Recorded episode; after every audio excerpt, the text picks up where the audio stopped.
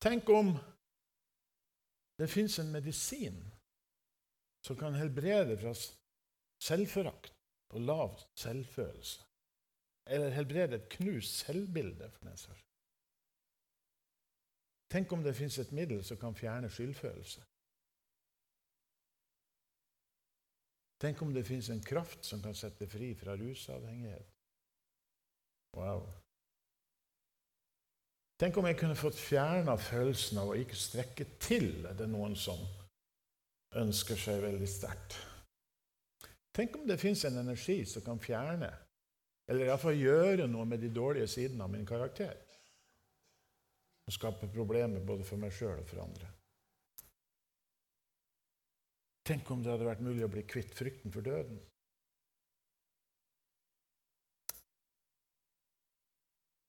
Det hadde vært gode nyheter, eller hva? Amen. Og eh, det er akkurat det evangeliet er. Og evangeliet, det finner vi ja, jeg vil si først og fremst i romerbrevet eh, mitt yndlingsbok i Bibelen. Og Når Paulus beskriver evangeliet, så sier han i, i vers 16 i Romer 1, 16 at jeg skammer meg ikke over evangeliet, for det er en Guds kraft til frelse. Altså, evangeliet er noe mer enn fortellingen om Jesus, hans liv, hans død, hans oppstandelse, som vi kan lese om i, i de fire evangeliene Matteus, Markus, Lukas, Johannes. Evangeliet er noe mer enn det. Evangeliet er den livsforvandlende kraften som springer ut fra denne fortellingen om Jesus. Så evangeliet er den livsforvandlende kraft. Og så kommer det i vers 17. For i det åpenbares Guds rettferdighet av tro. Vi skal se ganske mye på hva det innebærer, dette her, at vi er erklært rettferdige av tro. altså At Gud er fornøyd med oss, at vi er gode nok, at vi er autorisert og alt det der. Jeg skal komme litt tilbake til. Men la oss bare først se litt på ordet tro. Det var ei eh, lærerinne på en eh, småskole et sted i Norge som skrev på tavla, som det står her om en tre, 'tro'.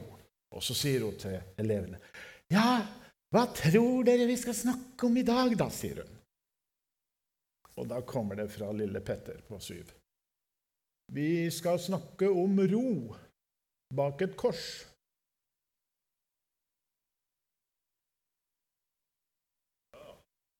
Du, det er en av de beste definisjonene på tro jeg har hørt.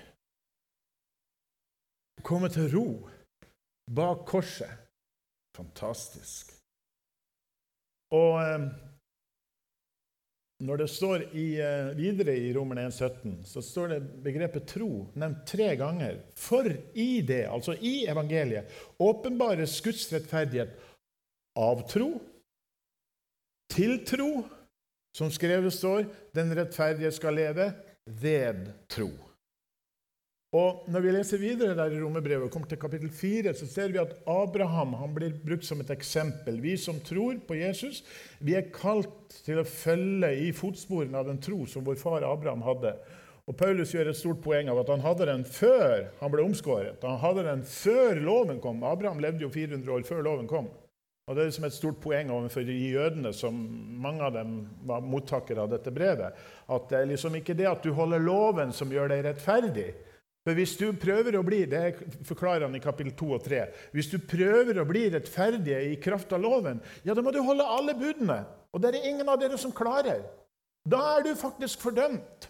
Da er du under forbannelse hvis du tror at du skal klare å bli rettferdig i kraft av loven, i kraft av dine egne gjerninger. Du har ikke en sjanse. Loven den er gitt for å vise forskjellen på rett og galt. Og det er ikke bare jødene som har fått loven kapittel 2 så står det også hedningene, altså de som ikke er jøder, har fått loven. Den er skrevet inn i hedningenes hjerte. og Personlig så tror jeg loven kom jo med syllefallet. For det var to spesielle trær der i hagen. Det var mange trær, men det var to som nevnes helt spesielt. Det ene var livets tre, bildet på Kristus. Det andre var treet som ga kunnskap om godt og ondt. Ikke et kunnskap i allmennhet, altså, men en meget spesiell kunnskap, en kunnskap om godt og ondt. Og da vil jeg spørre deg, Hva er det loven gir oss kunnskap om? godt og ondt, rett og galt. Ikke sant? Og frukten av å spise av det treet, som Satan sier til dem, det er at da vil du liksom bli som Gud, og du er den som skal bestemme hva som er rett og hva som er galt. Og Sånn har det vært siden da, og sånn er det fortsatt en dag i dag. At folk de vil ikke at noen gud eller religion eller noe sånt skal komme her og fortelle meg hva som er rett og galt. Det, jeg, det skal jeg avgjøre sjøl. Frukten av syndefallet. Loven er skrevet i alle menneskers hjerter. Og, og eh, det, Du ser det allerede fra barnehagen. i barnehagen. Hvorfor slo du Ola, Petter? Nei, fordi han slo meg først. Ikke sånn, Øye for øye, tann for tann. Dette er gjensidighetsprinsippet som funker både på godt og vondt. ikke sant? I en familie, når noen gir julegaver Så ja, vi fikk en julegave fra dem, og den er verdt ca. 200 kroner. Ja, da bør vi gi tilbake en julegave som er verdt ca. 200 kroner. ikke sant? Kjenner du igjen den tankegangen? Du skjønner det, Vi er loviske av natur, alle mennesker. Den syndenaturen vår, den er lovisk. Det ligger for oss å være lovisk. Det, dette er altså ikke bare en problemstilling for jødene. Dette er en problemstilling for alle mennesker. Alle mennesker har fått loven. Jødene fikk den i et skriftlig form på Sinai-fjellet, men de hadde selvfølgelig loven lenge før Josef. Han visste at det skulle være galt å ligge med ho Puttimor, altså kona til han Puttifar. Jeg vet ikke hva hun heter, men jeg kaller henne Puttimor. Eh, de hadde ikke loven, og hun visste jo det at dette her var galt, ikke sant? selv om hun prøvde å få det til. Så fordømte hun prøver av seksuelle overgrep og metoo og greier. ikke sant? Hun hylte og skrek der. Så var det hun som var skyldig. Men ikke sant? de hadde begreper om hva som var rett og hva som var galt, lenge før Moseloven hadde kommet. Og Lover fins det i mange folkeslag og i mange kulturer. Hammurabis lov er en ganske kjent utgave av det, som ligner til en viss grad på Moseloven. Men vi skal ikke gå for mye inn i det. Jeg skal bare slå fast at alle mennesker er loviske. Og det ligger noe i ryggmargen på alle folk begrep om hva som er rett, og hva som er galt. Og eh, det å prøve å bli rettferdig for Gud i kraft av sine gjerninger, det dømt til nederlag. Du har ikke en sjanse. Det fins egentlig bare to religioner i verden. Det er nådereligionen og gjerningsreligion. De er representert på Bibelens første blader gjennom Abel, Kain og Abel. Kain han prøvde å bære frem et offer for Gud Han verken skrøt, Han gjorde så godt han kunne. Han ble sur når Gud ikke tok imot hans offer. Dette må da være bra nok. ikke sant? Hva er Ola gjennomsnittsnordmann Hva gjennomsnittsnordmann sin tro? Jo, den er at 'jeg gjør da så godt jeg kan'. Og jeg er da ikke noe verre enn folk flest. Så hvis det fins en Gud, så må han vel se til meg. Skjønner du? Hva er det Ola gjennomsnittsnordmann da tror på? Tror på sine gjerninger. Mine gjerninger de bør da være godt nok. Ikke sant? Ja, ikke noe være noen pinnsvenndama oppi gata her som baktaler folk osv. Tror du de skal komme til himmelen? Hæ? Skjønner du? Folk tror på sine gjerninger. Og hvis du kommer frem for Gud Det er budskapet i Romerne 2. Vi går ikke inn på det. Jeg har skrevet en bok om det. her, Du får lese boka. Der er det mye bedre forklart enn det jeg klarer å gjøre her. Men det går vel litt mer i detalj på akkurat det der. Men hvis du prøver, hvis du tror på dine egne gjerninger, da vil du bli dømt etter dine gjerninger. I overensstemmelse med loven. Da ligger du tynt an. Men hvis du skjønner, som Abel Han skjønte hva skal jeg gi til Gud om jeg plukker blomster? Det er jo han som har skapt alle blomstene. Jeg har ikke noe å gi han. Så han ofra et lam. Jeg tror ikke han skjønte at dette lammet var et fantastisk fint bilde på Jesus som skulle komme som det Guds lam som skulle bære verdens synd osv. Jeg tror ikke han skjønte det, men han skjønte at han trengte nåde.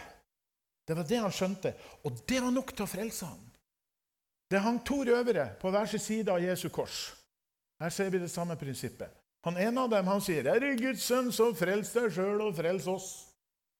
Jesus svarte ikke et ord. Han andre han sier, 'Nå må du slappe av litt', sier han til kameraten sin. Han der han har ikke gjort noe gærent. Vi, vi får faktisk vår fortjente straff.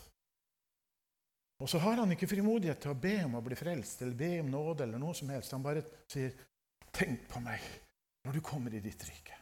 Og han får svar bang! Sannelig, sier jeg deg, i dag skal du være med meg i paradis. Hva var det som frelste han? Ja, det var jo Jesus som frelste han. Jesus døde jo der på korset. Jo, men Jesus døde jo for alle mennesker, også for han andre. Han fikk ikke noe sånn gladmelding eller godmelding. Hva som frelste han? Det, som, det eneste som skal til for å ta imot Guds nåde, vet du hva det er? Det er at vi skjønner at vi trenger det. Men hvis du tror at dine gjerninger er nok, da vil du bli dømt etter dine gjerninger. Så eh, Derfor bruker Paulus Det er en del mennesker som tror på sine egne gjerninger. Og eh, Derfor bruker Paulus nesten tre kapitler i begynnelsen av romerbrevet på å overbevise om synd på en måte, og vise dem at du trenger Guds nåde. Skjønner du? Ok. Den der av tro til tro ved tro, den tro der, ja. Eh, hvis du ser på Abraham, som blir brukt som et eksempel på det her, så ser du at Abraham hvem var han? Han var en ugudelig fyr. Å, var han det? Ja, det, han kom iallfall fra en veldig ugudelig familie. De bodde på den andre siden elven, altså andre siden Eufratelven, og de dyrket fremmede guder. De bodde i en storby på et par hundre tusen innbyggere som het Ur i Kaldea. Der drev de med menneskeofring, der drev de med, med sexorgier osv. til gudenes ære. Og det var meget suspekte forhold. Midt inn i denne ugudelige kulturen så kommer Gud til denne mannen, og så sier han Nå oversetter jeg litt fritt. Den nordnorske oversettelsen. Abraham, jeg har tro på deg. Ja, står det det? Sånn indirekte så står det det. Abraham, jeg skal gjøre deg til et stort folk. Du skal bli et stort folk, og jeg skal velsigne deg, og du skal bli til en velsignelse. Neimen, hallo Jeg har jo ikke barn. Adoptert nevøen vår, men eh, Nei da, jeg skal gjøre det. Skjønner du? Det var Gud som hadde tro. Og Gud talte sin tro, det gode budskapet, evangeliet, inn i Abrahams hjerte og fortalte ham om den tro som Gud hadde på ham. Og etter hvert så ble det som var av Guds tro Det er Gud som er troens opphavsmann og fullender. Så ble det til tro i Abrahams hjerte. Og etter hvert så lærte han snubla litt å begynne med, men etter hånden så lærte han seg å vandre ved tro. Av tro til tro, ved tro. Ok. Vi er altså gode nok gjennom det Jesus gjorde, gjennom å tro på at han døde for våre synder. Vi skal se nærmere på det her. Men når vi forstår hva det innebærer at vi er erklært rettferdige Det er små skrift der oppe. Jeg kan lese det for deg. For Gud, av Gud. Da frigjøres evangeliets forvandlende kraft i livet vårt. Jeg vil eh, backe tilbake til Romerne 1, 16 og 17. Evangeliet er en Guds kraft til frelse. For i det åpenbares Guds rettferdighet av tro. Altså rettferdiggjørelsen, det at du forstår at du er erklært rettferdig av Gud, det er nøkkelen som åpner opp evangeliets frigjørende kraft inn i livet ditt. Ok, Så det er på en måte nøkkelen. Vissheten om at vi er gode nok for Gud, det, det er bærebjelken i vårt åndelige liv. Hvis vi ikke har det på plass, så eh, blir alt det andre feil. Hvis vi ikke skjønner det at Gud tror på oss, Gud tror på deg Hvis du prøver, altså Det er så mye misforstått trosundervisning. Vi tror var Abraham lydig. Han var tålmodig, han holdt ut og alt det der. Ja, jeg prøver å være lydig. og du skjønner det? Jeg har virkelig prøvd. Jeg, skal fortelle en personlig historie. Når jeg var nyfrelst, var på Tønsenter, på det rehab-senteret. Og og eh, De første par månedene så var jeg bare overvelda. Tenk så god Gud jeg tenker Jesus er glad i meg, og halleluja. liksom. Det var liksom, Jeg tenkte ikke over om jeg var en god kristen eller ikke. brennende nok eller alt. Jeg tenkte ikke over det i det hele tatt, Men plutselig gikk det opp for meg en dag at hvis alle som tilhører den menigheten jeg er en del av, altså Philadelphia og Oslo var 2500 eh, medlemmer på den tida Hvis alle de hadde vært tent av Jesus da ville det vært vekkelse før klokka halv åtte i kveld. Og det er det altså ikke. Mm. Der våkna fariseeren. Han bor midt i tempelet. Bare vekk han, så kommer han med en gang. og Vi reiste jo rundt, hadde møter og vitna. Og jeg vitna ikke lenger. Jeg refsa menigheten. vet du. Å, vi må bli mer overgitt, og vi må gi oss helt til Jesus. Etter hvert så eh, oppdaga jeg jo at dette gjaldt jo egentlig meg. Jeg var jo ikke helt overgitt. Kan du rekke opp hånda, de som er helt overgitt her i kveld? Eller som ber nok? Som er, som er brennende nok? Eh, altså, det går ikke an å bli mer brennende. Skjønner du? Du vet, Dette her er brukt Satan mot meg. Og det her bruker han mot oss kristne hvis vi, hvis vi er så dumme at vi gir han lov til det. Du skulle vært mer brennende, du. Se på han! Se så ivrig han er! Sånn skulle du vært. Og så ser vi ofte på Nå er ikke det et så stort problem kanskje i misjonsmenigheter som i pinsemenigheter og i trosmenigheter, men, men altså i, i, i, i, sånne ekstroverte menigheter Å, halleluja! Helt der, ikke sant? Og, og, da kan man få en følelse, de som er litt introverte, og som føler at det, det, der er liksom ikke meg. At jeg er liksom ikke brennende nok. Brennende der å hyle og skrike høyt nok. Nei da, det har ikke noe med å være brennende å gjøre. Men du skjønner hva jeg mener? Altså, har så, vi har så lett for å måle oss med andre mennesker. Og vi måler oss ikke Vi måler oss med andre menneskers utside. Sånn som de er på søndag, når vi ser dem på sitt beste. Skjønner du? Det var en som jobber hos oss i Marita nå. Han sa han hadde, han hadde kommet forbi oss, meg og kona mi, på Kolbotn for hvor lenge var det siden? 30 år siden. Hvor vi hadde stått og krangla. Og han hadde blitt så sjokkert. Ja, hvorfor sa jeg det? Ja, nettopp. Takk, Pål. Takk, Pål. Vi sammenligner oss gjerne med andres utside. Jeg, jeg håper at det ble en trøst for ham å se at jeg og kona mi vi hadde, vi hadde, en utfordring der. Men som regel så ser vi andres perfekte utside, og så måler vi oss med det, og så kommer vi til kort. Og så kommer djevelen der med en gang og sier 'Du skulle vært sånn, du.' Ja, skulle det. Ikke sant? OK, jeg får gå videre. Eh, at vi er gode nok det betyr ikke at det ikke er ting i livet vårt som ikke kan utvikles. Men til tross for våre feiltrinn og mangler, ja, til og med på tross av eventuelle synder og syndige tilbøyeligheter, så er vi likevel godkjent og autorisert av Gud som hans barn.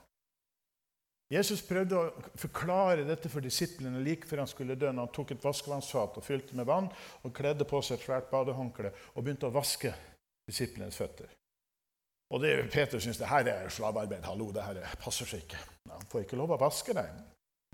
Så har vi ikke noe, lenger noe sammen. Han forklarte også det. Her ligger det noe mer under. liksom. Det var ikke bare det at det, de trengte å få vaska føttene rent som fysisk.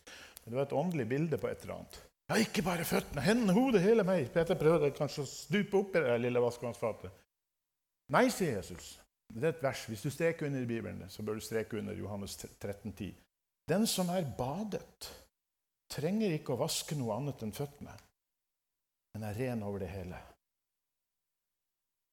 Det fins et bad som er så gjennomgripende at det holder med ett bad.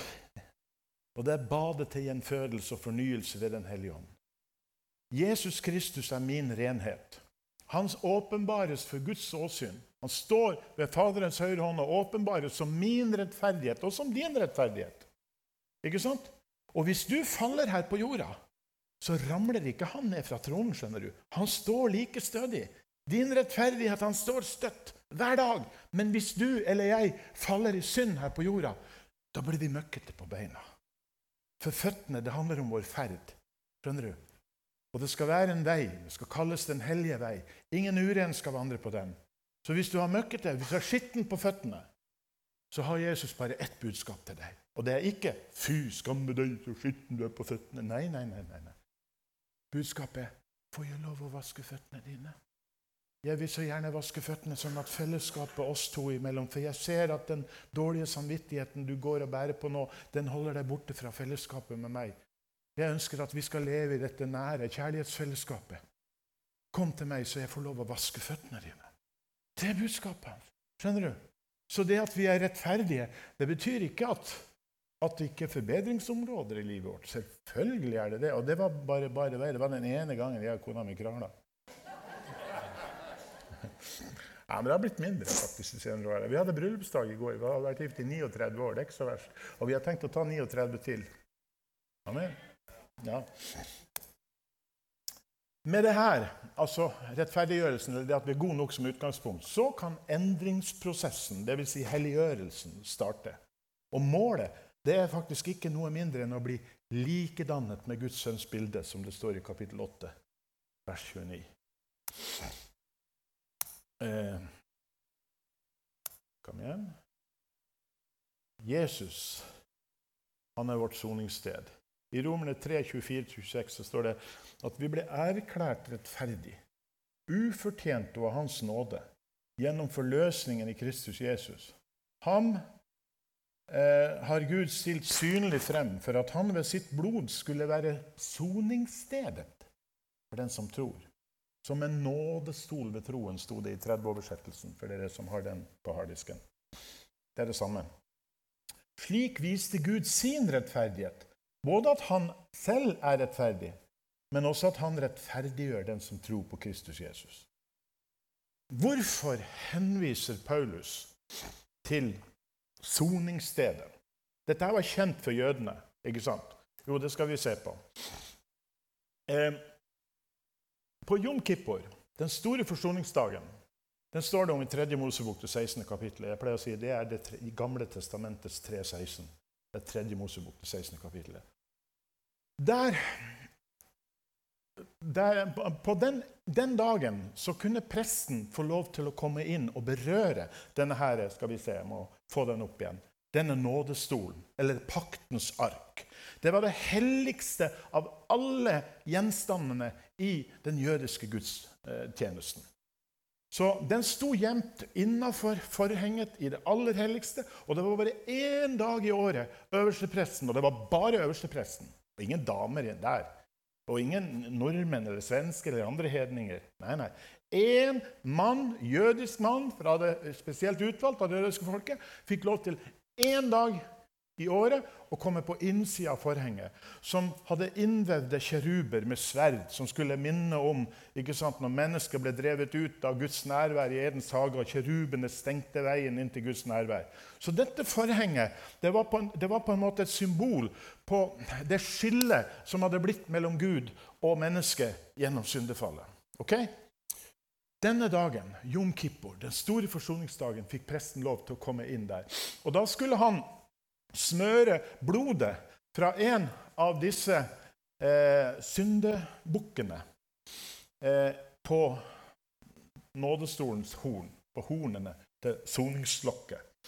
Eh, det var to geitebukker. Jeg vet ikke om vi får tid til å komme inn på det, men det er viktig at det er to geitebukker.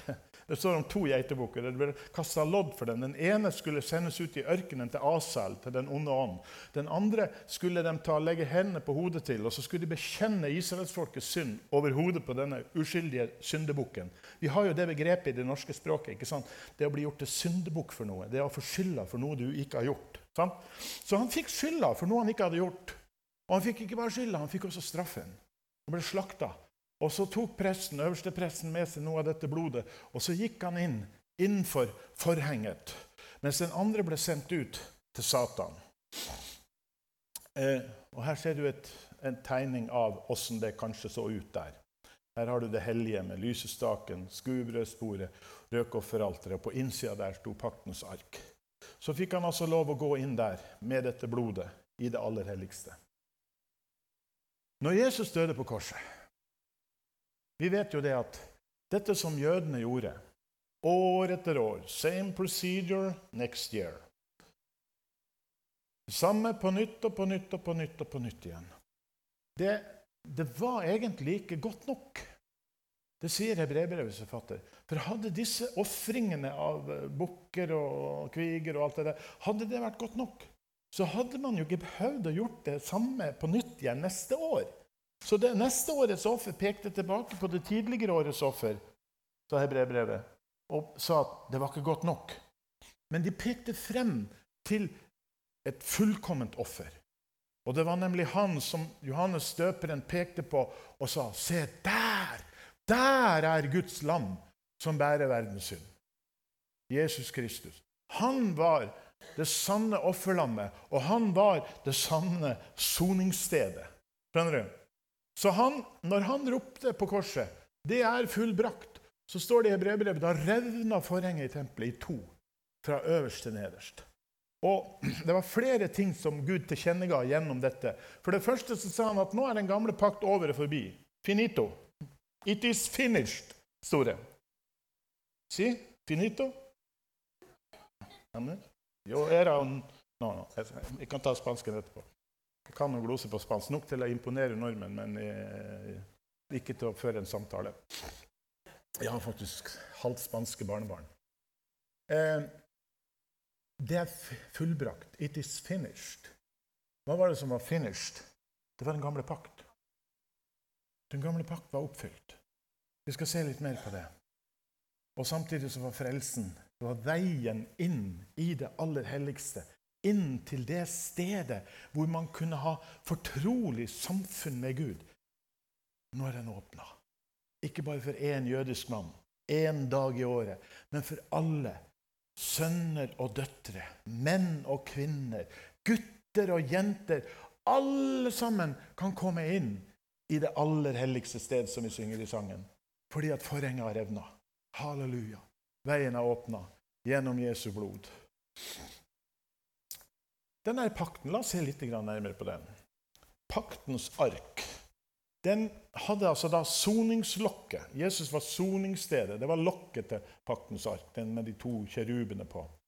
Den hadde tre gjenstander inni seg. Den hadde for det første ei gullkrukke med manna.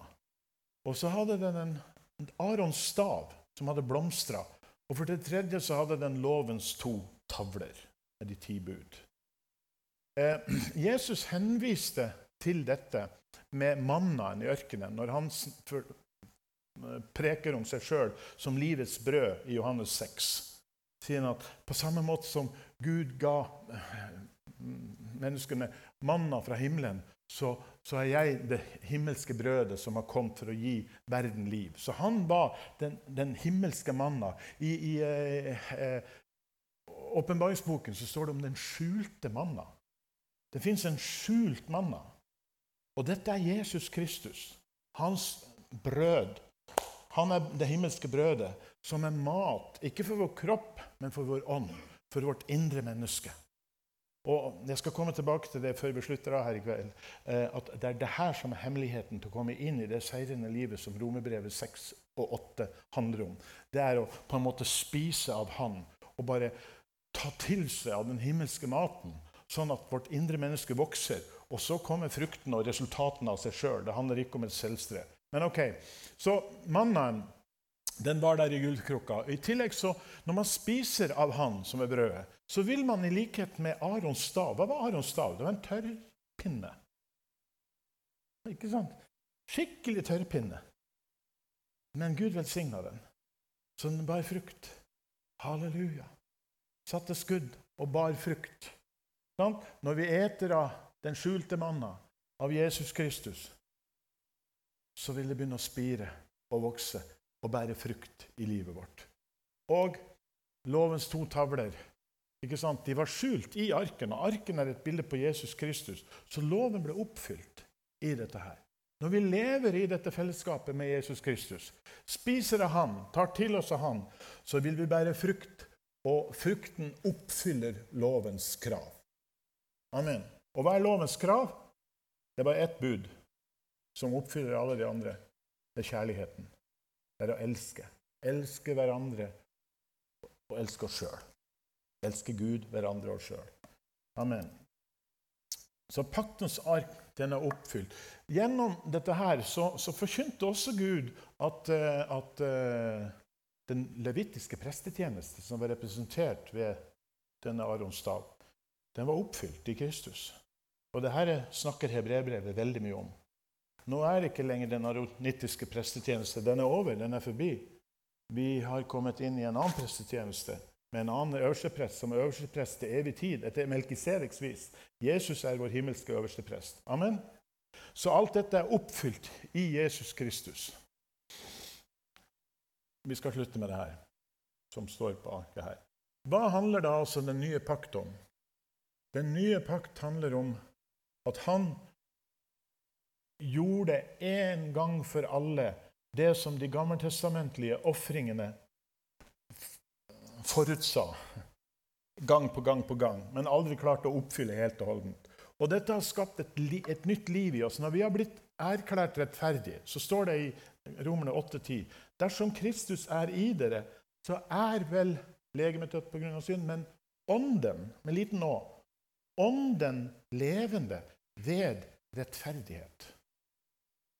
Hva betyr det her? Det betyr at det har blitt noe nytt her inne. Jeg fortalte om hvordan jeg ble frelst i stad. Jeg skjønte nesten ingenting. Men det hadde kommet et eller annet nytt.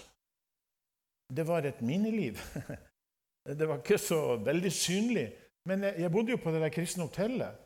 Og jeg begynte å tenke etter en stund at nå som jeg skal kanskje prøve å bli kristen, så burde jeg jo egentlig betale regninga mi. Og, og, og jeg, jeg, levde jo av å selge stoff. Og jeg hadde ikke klart å selge noe stoff etter jeg hadde vært på det der møtet. Og det her var ca. ei uke, en halv uke etterpå. Bodde fortsatt på det hotellet. Og jeg hadde masse stoff liggende. Skal høre hvor sleip det går an å bli. Fordi jeg visste jo at han der, Det var en kristen som fulgte meg opp og kom og besøkte meg og tok meg med på møter. Og alt sånt der. Og jeg skjønte han, veldig, han kommer til å bli veldig glad hvis jeg kaster stoffet mitt. Men det kunne jeg jo ikke gjøre. Det var jo verdt i tusener av kroner. Så, men jeg, jeg, brukte faktisk et par timer på å pakke sammen en hel masse poser med, med fake, altså med pepper og kanel som jeg pakka inn i, i sølvpapir og med Gladpack rundt, og lagde 18 sånne poser. Og når han kom til meg neste gang, så sier du, jeg føler jeg må kaste stoffet mitt. Å, ja, så fint, sier jeg. Ja, kan du gjøre det for meg? Ja, så Vi gikk på do, og han kasta det i do og dro i snora. Halleluja, sa han. ble veldig glad. Det var jo det som var målet mitt, å gjøre han glad. Jeg kasta ikke stoffet, du gæren? Det kosta jo masse penger. Men eh, jeg klarte altså ikke å selge noe. Men så tenkte jeg jeg må selge for å få til regninga. Det må jeg gjøre. Og fra jeg begynte å plukke sammen disse posene, så var det som en storm inni meg. altså. Det var et eller annet som var riv ruskende gærent. Og Jeg går ut på byen jeg argumenterer på en måte med den nye, rare stemmen på innsida. Ja, men jeg selger godt stoff, og de skal være glad de treffer meg. Ikke en kjip svensker som slår dem ned og raner dem. ikke sant? Der kommer Langernes mor Teresa, liksom. Men jeg fikk ikke fred. Og jeg kommer inn i miljøet, og folka kommer imot meg og sier 'Har du noe?' Og jeg hører meg sjøl si 'Nei, hadde ikke.' Men det hadde jeg. Jeg står der med stoff i lomma. Etter en stund så sier jeg til en kamerat av meg kan ikke du selge de posen her. Han rart, men Jeg kunne jo solgt det på to minutter sjøl. Jeg sto der. Så han solgte det for meg. Jeg tapte vel noen hundrelapper på det.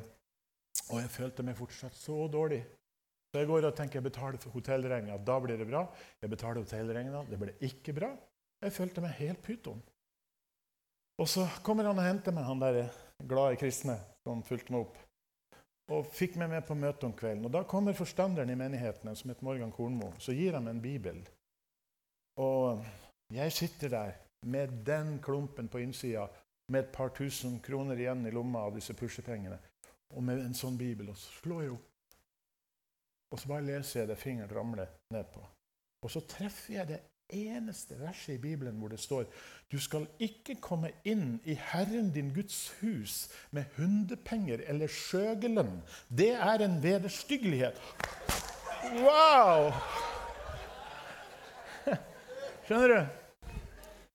Men jeg hadde jo kjent det inni meg hele tida at det var noe som var galt. Du skjønner det å bli frelst. Og det her forklarer vi folk i fengsel. og alt sånt der. Det handler ikke om at du må ta deg sammen. For du klarer ikke å ta deg sammen uansett. Men det handler om at du tar imot Jesus, og da får du et nytt liv inni deg. Og din ånd blir født på ny. Det som er født av ånden med stor og er ånd med liten å, sier Jesus. Og for å, for, for, for å, vokse så handler det ikke om at du skal prøve å bli en snill og flink og god kristen, men det handler om at du skal spise den åndelige maten som det nye livet inni deg trenger, og da vil du vokse. Det er det det handler om. Jeg er så privilegert at jeg ikke bare har barn, jeg har fått barnebarn. Jeg har sju barnebarn. Og vet du hva? Den siste vår nå, han heter Adam, oppkalt etter den siste Adam. Vil jeg understreke. Eh, han, eh, han er bare tre måneder. Og han er jo dum. Jeg unnskyld at jeg ikke sier til mora hans, men han er stokk stein dum. Han kan ikke lese. Han kan ikke skrive. Han kan ikke snakke. Han skiter i buksa. Han til og med spyr på folk hvis de holder han litt sånn feil. Skjønner du? Men han tenker ikke et sekund på det. Han bare ligger der, liksom. Og jeg fikk han til å le her om dagen. Det syntes jo mora hans var helt fantastisk. Det var første gang han hadde ledd ordentlig. Så klart han lo av meg. Skjønner du? Sånn ser Gud på oss. Han tenker liksom ikke på at ikke Vi har en tendens til å sammenligne oss med de som, som er flinkere enn oss, som har vokst lenger enn oss, osv. Slutt med det. Slutt med det. Begynn å glede deg over at Gud er glad i deg. Det er ikke noe annet det handler om. Og så er du sammen med Jesus, og så lar du han få lov å velsigne deg. Jeg skal avslutte med å gi deg en annen vinkling på to vers i Romerne, 7, Romerne 8, der det står at så er det altså ingen fordømmelse for den som er Kristus Jesus. Står det noe mer der? For den som ikke vandrer etter kjødet, men etter ånden. Og så kommer det i vers 2. For livets ånds lov har i Kristus Jesus frigjort oss fra dødens syns og dødens lov. Det der har du hørt så mange ganger at du hører det ikke lenger. Jeg skal gi deg en annen oversettelse. Du skal være klar over at når det står om Ånden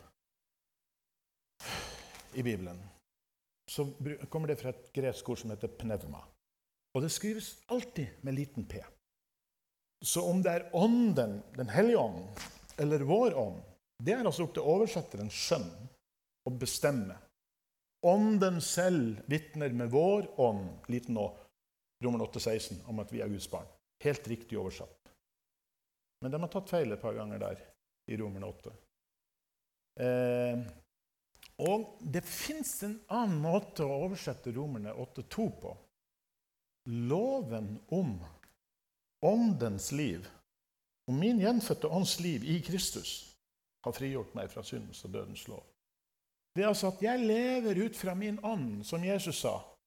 Den som vil tilbe Gud, må tilbe i ånd og i sannhet. Og lever ut fra min ånd i samarbeid med han, og samfunn med han og samhandler med han, da vil jeg automatisk vokse.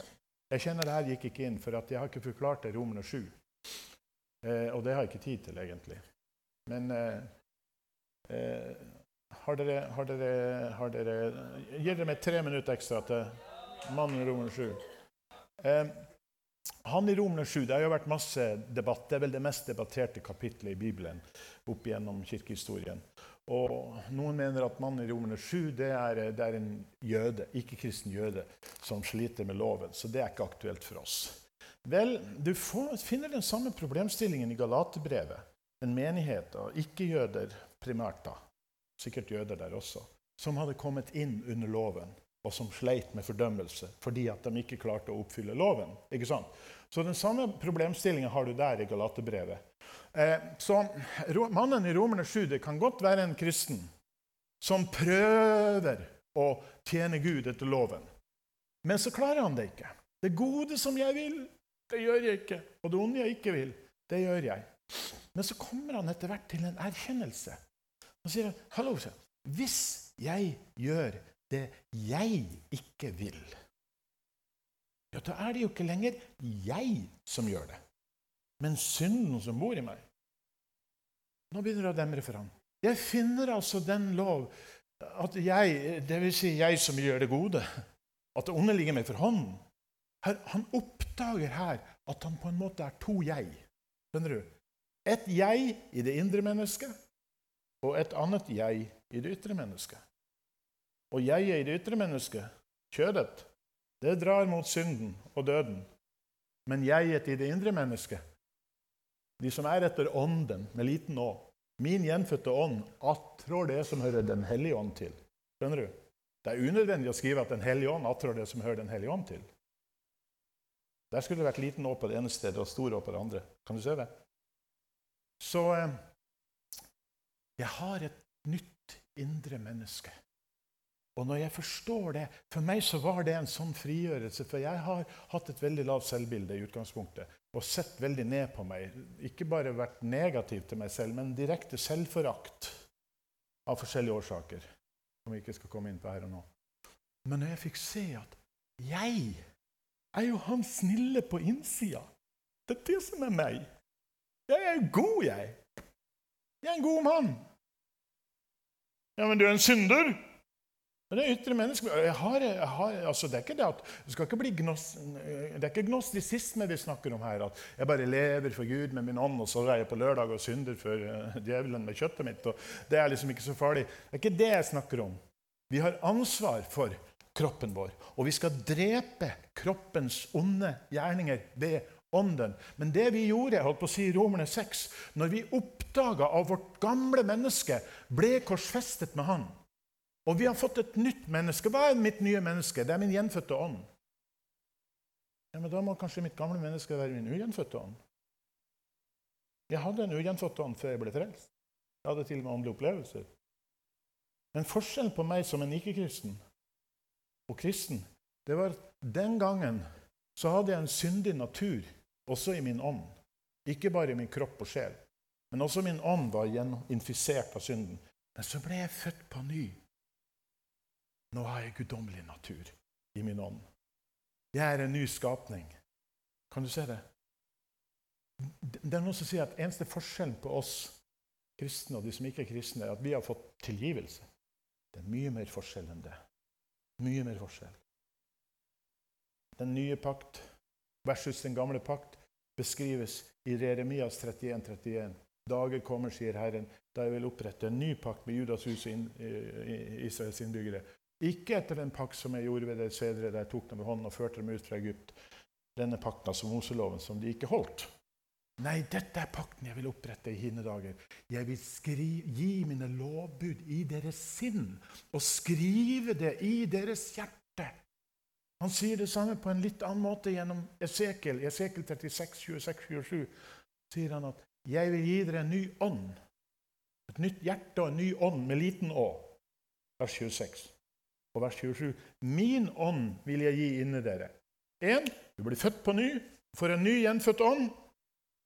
Og den er bostedet, tempelet, for Den hellige ånd. Så flytter han inn der.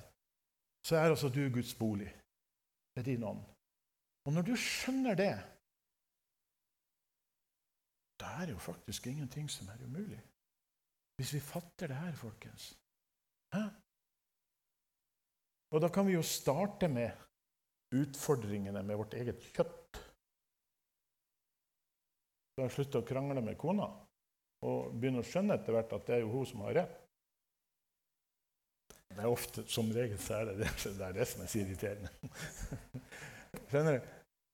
At vi, altså, Dersom dere ved Ånden dreper kroppens onde gjerninger, da skal dere leve. Skjønner du? La det åndelige livet få blomstre. La det få vokse. La det få bære frukt. Hvordan bærer det frukt? Gjennom at jeg lever, at jeg skjønner hvem jeg er. Det er en ny skapning. Jeg er han gode, snille på innsida. Han som vil gjøre det gode. Det er meg. Amen. Og på samme måte som han her Han har fått litt for mye mat. Men han trenger mat for å vokse.